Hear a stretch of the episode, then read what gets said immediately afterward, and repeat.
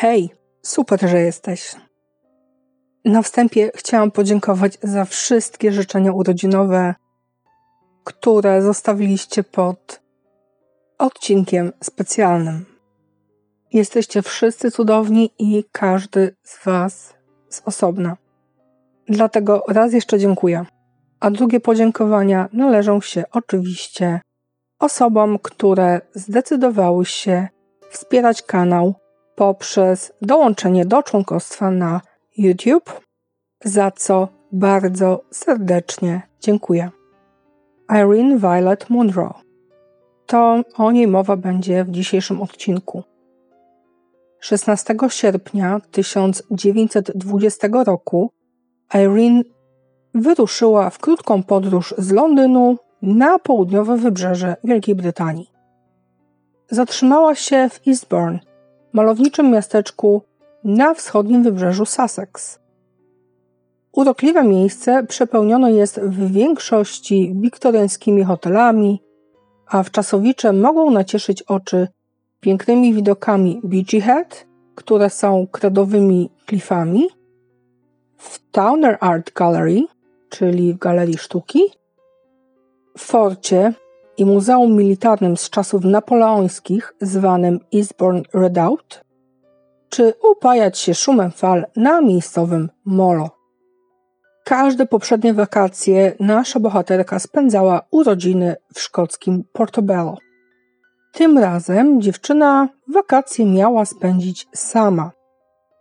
W rozmowie ze swoją rodzicielką ustaliła, że w Eastbourne spędzi dwa tygodnie, a następnie spotkają się w domu w południowym Kensington, gdzie mieszkały. Po przybyciu na miejsce dziewczyna bardzo szybko znalazła sobie pokój przy 393 Seaside.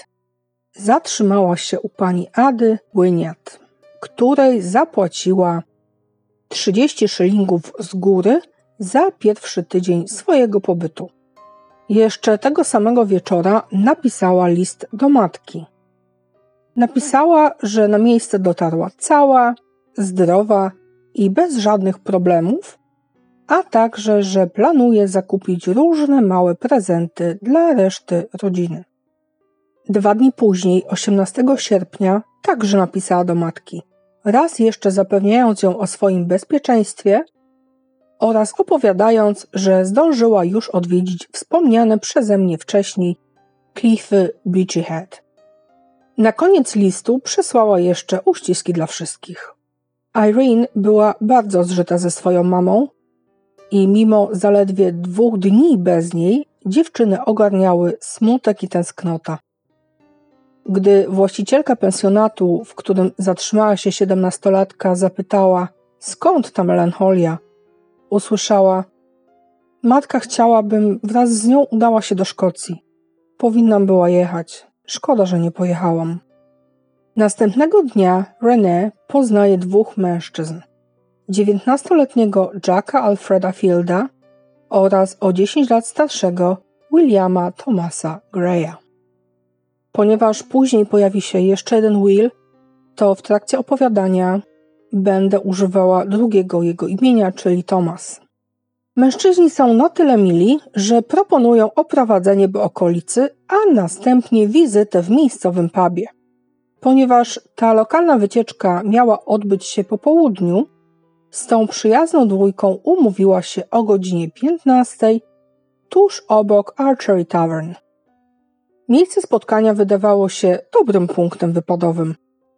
Mieszcząca się niedaleko Pevensey tawerna zapewne serwowała napitki, a naprzeciw niej znajdował się przystanek autobusowy, z którego nasza trójka na wycieczkę miała się udać. Po tych wstępnych ustaleniach Irene wróciła do pensjonatu na lunch, a przed ponownym wyjściem poinformowała jeszcze Adę o popołudniowych planach wyjazdu do Hampton Park. To był ostatni raz, kiedy właścicielka pensjonatu widziała Irene żywą. O samej dziewczynie wiadomo niewiele. Miała 17 lat i pracowała na Oxford Street w firmie zrzeszającej księgowych. Była maszynistką. Chodzi tutaj o maszynę do pisania. Do 1909 roku rodzina mieszkała w Szkocji, a do Kensington przybyło jedynie matka, Flora, z kilkuletnią córeczką. Mąż Flory zmarł właśnie w 1909 roku. Wróćmy więc do 19 sierpnia 1920. Na umówione miejsce spotkania dziewczyna przybyła pierwsza. Niedługo później ze stacji autobusowej wyszli Jack i Tom, dołączając do Irene. We trójkę udali się w okolice Crumbles. Gdy zamek Pevensey był już w zasięgu wzroku, siedemnastolatka przystanęła i mówiąc, że jest zmęczona, z jedwabnej torebeczki, którą miała przy sobie, wyjęła chusteczkę, by osuszyć twarz. Ponieważ znajdowali się w dość ustronnym miejscu, panowie uznali, że lepsza okazja do napaści na dziewczynę już im się chyba nie trafi. Thomas dał znak do ataku, a wtedy Jack podniósł swoją laskę na wysokość ramion, przygotowując się do uderzenia, gdyby zaszła taka potrzeba. Starszy z nich zaczął wyrywać torebkę z rąk René. Zdążyła jedynie wykrzyczeć: Hej, co ty wy. Zanim metalowe okucie laski pozbawiło ją dwóch zębów. Upadła i, jak łatwo się domyślić, krzyczała z bólu. To jedynie rozsierdziło napastników. Tomas kazał jej się zamknąć, ale nie dziwota, nie poskutkowało. Dziewiętnastoletni Jack widać obyty był z widokiem powybijanych zębów i płaczącej dziewczyny, ale efekty dźwiękowe tego płaczu już zdecydowanie młodzieniaszkę przerosły. W rezultacie krzykiem domagał się od swojego starszego kolegi, by ten coś zrobił. No i zrobił. Chwycił leżący niedaleko 14-kilogramowy odłamek skały osadowej, upewniając się, że z twarzy młodziutkiej dziewczyny nic już nie zostało. Następnie zabrał jej tą nieszczęsną torebkę. Zanim oprawcy zakopali ciało Irene w płytkim grobie, zdjęli jej jeszcze z ręki pierścionek z dziewięciokaratowego złota. Wykopali dołek na głębokość 1,20 m, wrzucili dziewczynę, zakryli ją płaszczem, a to, co zostało z jej twarzy, przykryli kapeluszem. Na koniec ciało zasypali, zostawiając jedną wystającą stopę. Ponieważ Jack i Tom niezwykle się napracowali, wieczór spędzili w barze hotelu Albemarle. Najpierw naciskali na barmanki, by te napiły się z nimi. Ale że w pracy się nie pije, to poszukali sobie innych towarzyszek do przepijania pieniędzy z torebki swojej ofiary. Na koniec dnia udali się jeszcze do Royal Hippodrome Theatre, swoją drogą najstarszego teatru w mieście, gdzie dziewiętnastolatek spłacił swoje długi zaciągnięte wcześniej u lokalnych opryszków. 20 sierpnia, w piękny słoneczny dzień, trzynastoletni wówczas Walter Weller radośnie biegał po plaży. W pewnym momencie omal nie potknął się o wystającą stopę Irene. Tak właśnie odkryte zostało jej ciało, pochowane nad morzem, tuż obok torów. Lekka kolej była tam używana do transportu żwiru, więc nie było niebezpieczeństwa, że jakiś pasażer wypatrzy zwłoki. No i mało który rodzic pozwala dzieciom bawić się przy torach. Jednak mordercy mieli pecha. Na miejscu szybko pojawiła się policja i to z dwóch miast. Poza funkcjonariuszami z Eastbourne na miejsce przybyli jeszcze ci z Helisham. Według Daily Herald z 15 grudnia 1920 roku niecałe dwa metry od ciała znaleziono kawał skały, którego Thomas użył do uciszenia biednej dziewczyny raz na zawsze. Ponadto znaleziono także dwa zardzewiałe szpadle. Ciało Irene zostało natomiast przetransportowane do kostnicy przy Grove Road. Co ciekawe, kostnica znajdowała się w miejskim ratuszu. Dwa dni po tragedii Ada nieoficjalnie potwierdziła tożsamość zmarłej, a kolejny dzień później, 22 sierpnia, zrobiła to jej ciotka. 21 sierpnia na miejscu pojawił się George Mercer – śledczy z samego Scotland Yardu. okolica została odgrodzona i przedstawiciele prawa zabrali się do pracy. W tym czasie Jack i Tom przeczytali już o odnalezieniu ciała Irene, pobiegli do miejscowej jednostki wojskowej, by szybko się zaciągnąć. Jeden w tym czasie był na zasiłku dla bezrobotnych, a drugi pobierał rentę. Z dobrych wieści sekcji zwłok dziewczyna straciła przytomność już po pierwszym uderzeniu w głowę. W sumie nic dziwnego, bo pęknięcie kości rozciągało się od policzka po skroń. Generalnie cała czaszka była popękana, szczegółowego opisu ci oszczędzę. Początkowo policja zakładała, że dziewczynę chciano wykorzystać, lub wręcz to uczyniono, ale koroner szybko wyprowadził funkcjonariuszy z błędu. Ciało Irene było nietknięte. Dzięki Adzie śledczy wiedzieli już wstępnie, kim była ofiara. Dowiedzieli się także, że tego dnia wybierała się do Hampton Park. Dla funkcjonariuszy zaczęło się rutynowe przeszukiwanie okolicy, czyli puby, hotele, pensjonaty, kina, kwatery prywatne. Zaglądali w każde miejsce, gdzie ktoś mógł ją widzieć i mógł rzucić światło na jej ostatnie godziny. Detektywi szybko dowiedzieli się, że Irene była widziana jeszcze o 16 feralnego dnia, gdy szła ramię w ramię z Jackiem, a Thomas szedł w niedalekiej odległości od młodzieży. W hotelu Albemarle uzyskali potwierdzenie bytności, jak i tożsamość dwójki podejrzanych.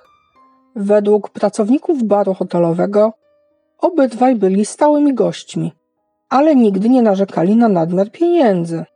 Jednak dzień spotkania Irene był inny.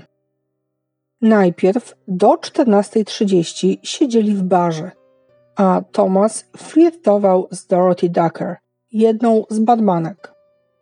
Chcieli też, by postawiła im napitki. Odmówiła, a oni obiecali wrócić później, przy czym flirciarz dodał: Dobrze więc, zechciej poczekać do wieczora, a będziemy mieć więcej pieniędzy. Słowa dotrzymali, wracając wieczorem do wspomnianego wcześniej hotelu, a kasa wydawali ją na prawo i lewo. Obsługa Albemarle opowiedziała także, w co ubrani byli mordercy. Jack miał na sobie ciemny garnitur i kaszkiet. Tom natomiast odziany był w garnitur wiodełkę. Kolejnymi świadkami, na których trafiła policja, było pięcioro lokalnych robotników, którzy 19 sierpnia pracowali na wybrzeżu, tuż przy torach lekkiej kolei.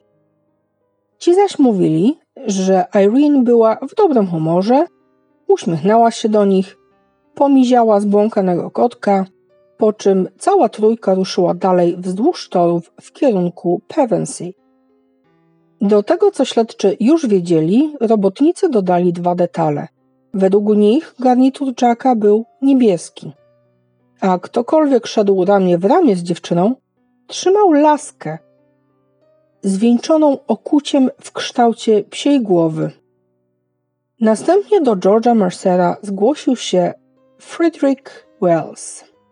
Poinformował inspektora, że także widział trzy osoby idące w stronę Crumbles.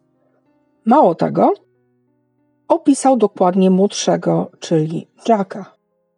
Według Freda dziewiętnastolatek był widywany w okolicy przez ostatnie dwa tygodnie i zawsze widywano go z charakterystyczną laską z głową psa na jednym końcu. Feralnego dnia całą trójkę widział oczywiście przy torach.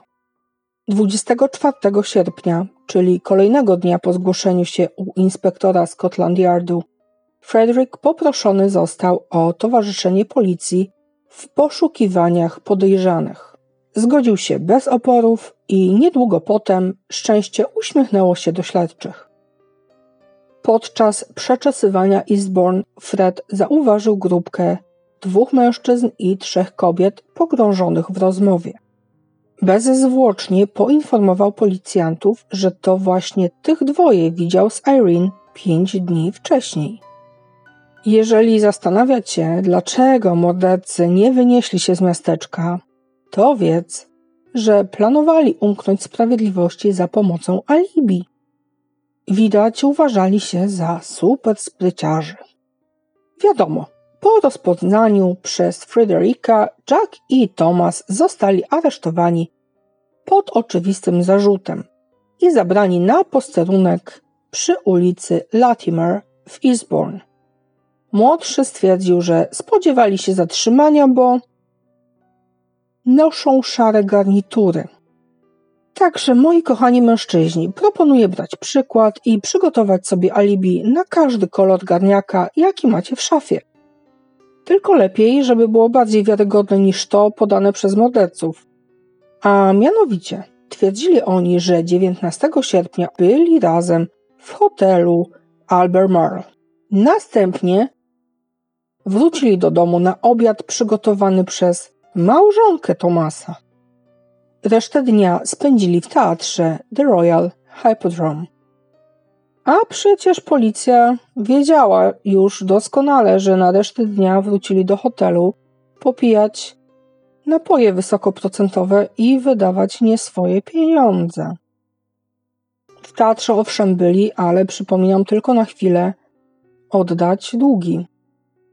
Zorganizowano więc okazanie, ale pięcioro robotników, którzy jako pierwsi poinformowali policjantów o towarzystwie siedemnastolatki, nie potrafiło rozpoznać rzezimieszków i morderców. Po dwóch dniach bezradni stróże prawa musieli wypuścić Fielda i Greya, a samemu zająć się dalszym zbieraniem dowodów. Wrócili więc na ulicę Eastbourne, by dalej rozpytywać mieszkańców i wczasowiczów. Opłaciło się. Świadkowie zeznawali, iż widzieli tych mężczyzn wychodzących z hotelu i wsiadających do autobusu, jadącego w kierunku tawerny Archery. O ile żona Greya nie mieszkała w tawernie, to raczej nie jechali na obiad, a powiedzmy sobie szczerze, nie mieszkała. George Blackmer, kierowca busa na trasie do Archery, potwierdził, że Jack i Thomas jechali z nim tamtego dnia i że wysiedli naprzeciw tawerny. Dalej George zeznał, że w tym momencie podeszła do nich ciemnowłosa, młodziutka dziewczyna w czarnym kapeluszu. Po spojrzeniu na zdjęcie, jakie przedstawiła kierowcy policja, ten potwierdził, że to ona przywitała pasażerów na przystanku. Dodał jeszcze, że zauważył u niej zielony płaszcz przewieszony przez ramię.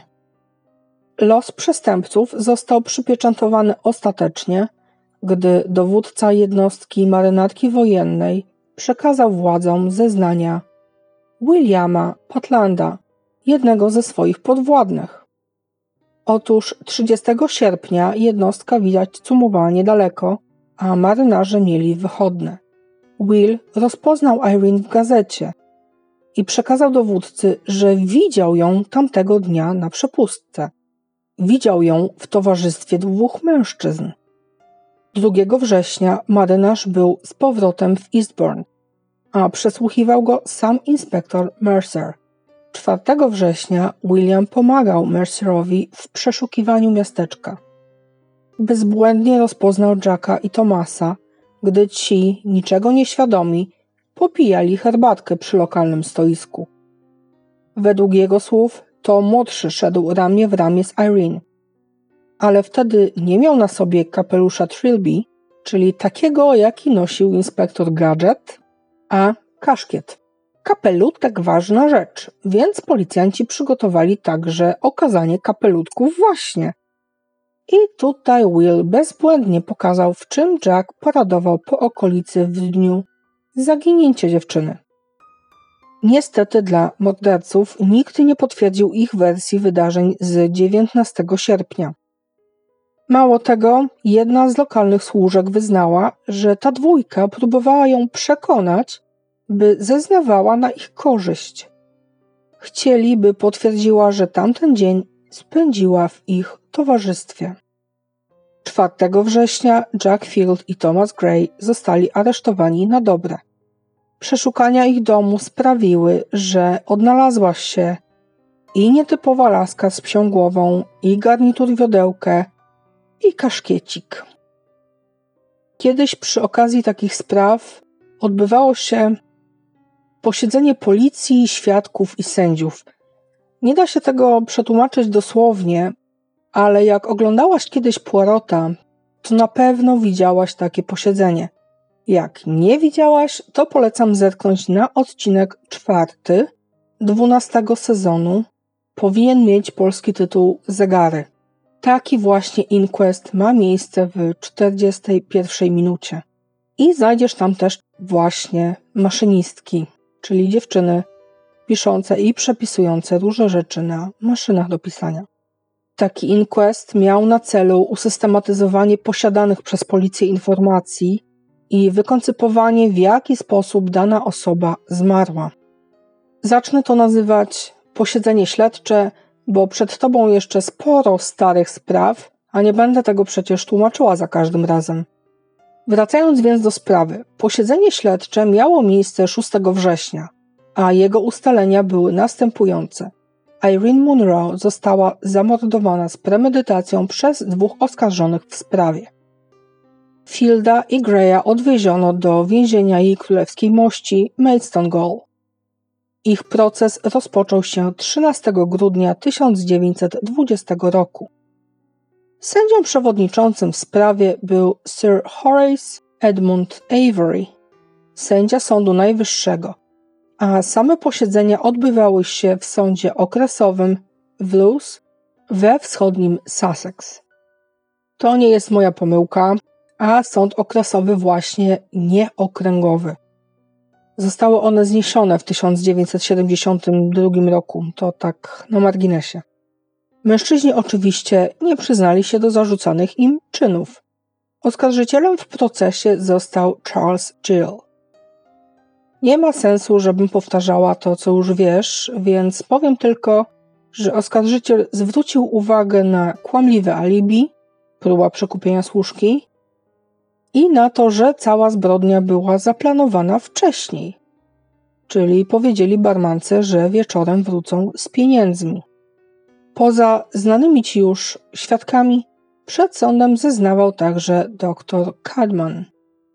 To on, badając poświętnie ciało Irene, oszacował czas zgonu. Zrobił to jednak błędnie, bo nie wziął pod uwagę czasu krzepnięcia krwi. Nie zmierzył też temperatury ciała. Oficjalnie sekcją zwłok zajmował się dr James Adams. 21 sierpnia ustalił on, że dziewczyna zmarła dwa dni wcześniej, pomiędzy 15.30 a 17.30. I choć obrońca Thomasa, Sir Edward Marshall Hall, próbował przepchnąć niewłaściwą diagnozę jak tylko mógł, to zeznania doktora Adamsa zostały jedynie potwierdzone przez kolejnego lekarza, doktora Reginalda Elworthiego. Kolejną cegiełkę dodała Elsie Finley, druga z barmanek hotelowych. Ta, poza potwierdzeniem słów Dorothy i przyznaniu, że mężczyźni szastali pieniędzmi kupując trunki, dodała, że kupowali także drogie papierosy. Ostatnim ważnym zeznaniem było to złożone przez Hildę Mould Baxter, wspomnianą wcześniej służkę. Jack i Thomas sądzeni byli razem, jednak Sir Hall odradził Greyowi zeznawanie we własnej sprawie. Obrońca Fielda zaś, Sir James Dale Castles, doradził mu coś zupełnie odwrotnego.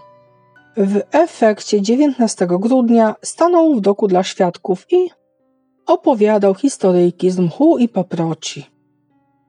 W ogóle nie był w Crumbles, w ogóle nie znał Irene, wysiadł pod tawerną wraz z Tomasem, ale poszli do cyrku, a nie wzdłuż kolei itd. itp. A rozliczni świadkowie, którzy ich widzieli? Kłamali rzecz jasna. Po mowach zamykających prokuratury i obrońców głos zabrał sam sędzia. Zwrócił on uwagę ławy przysięgłych, że choć obydwaj są oskarżeni, to jeden faktycznie był pomocnikiem.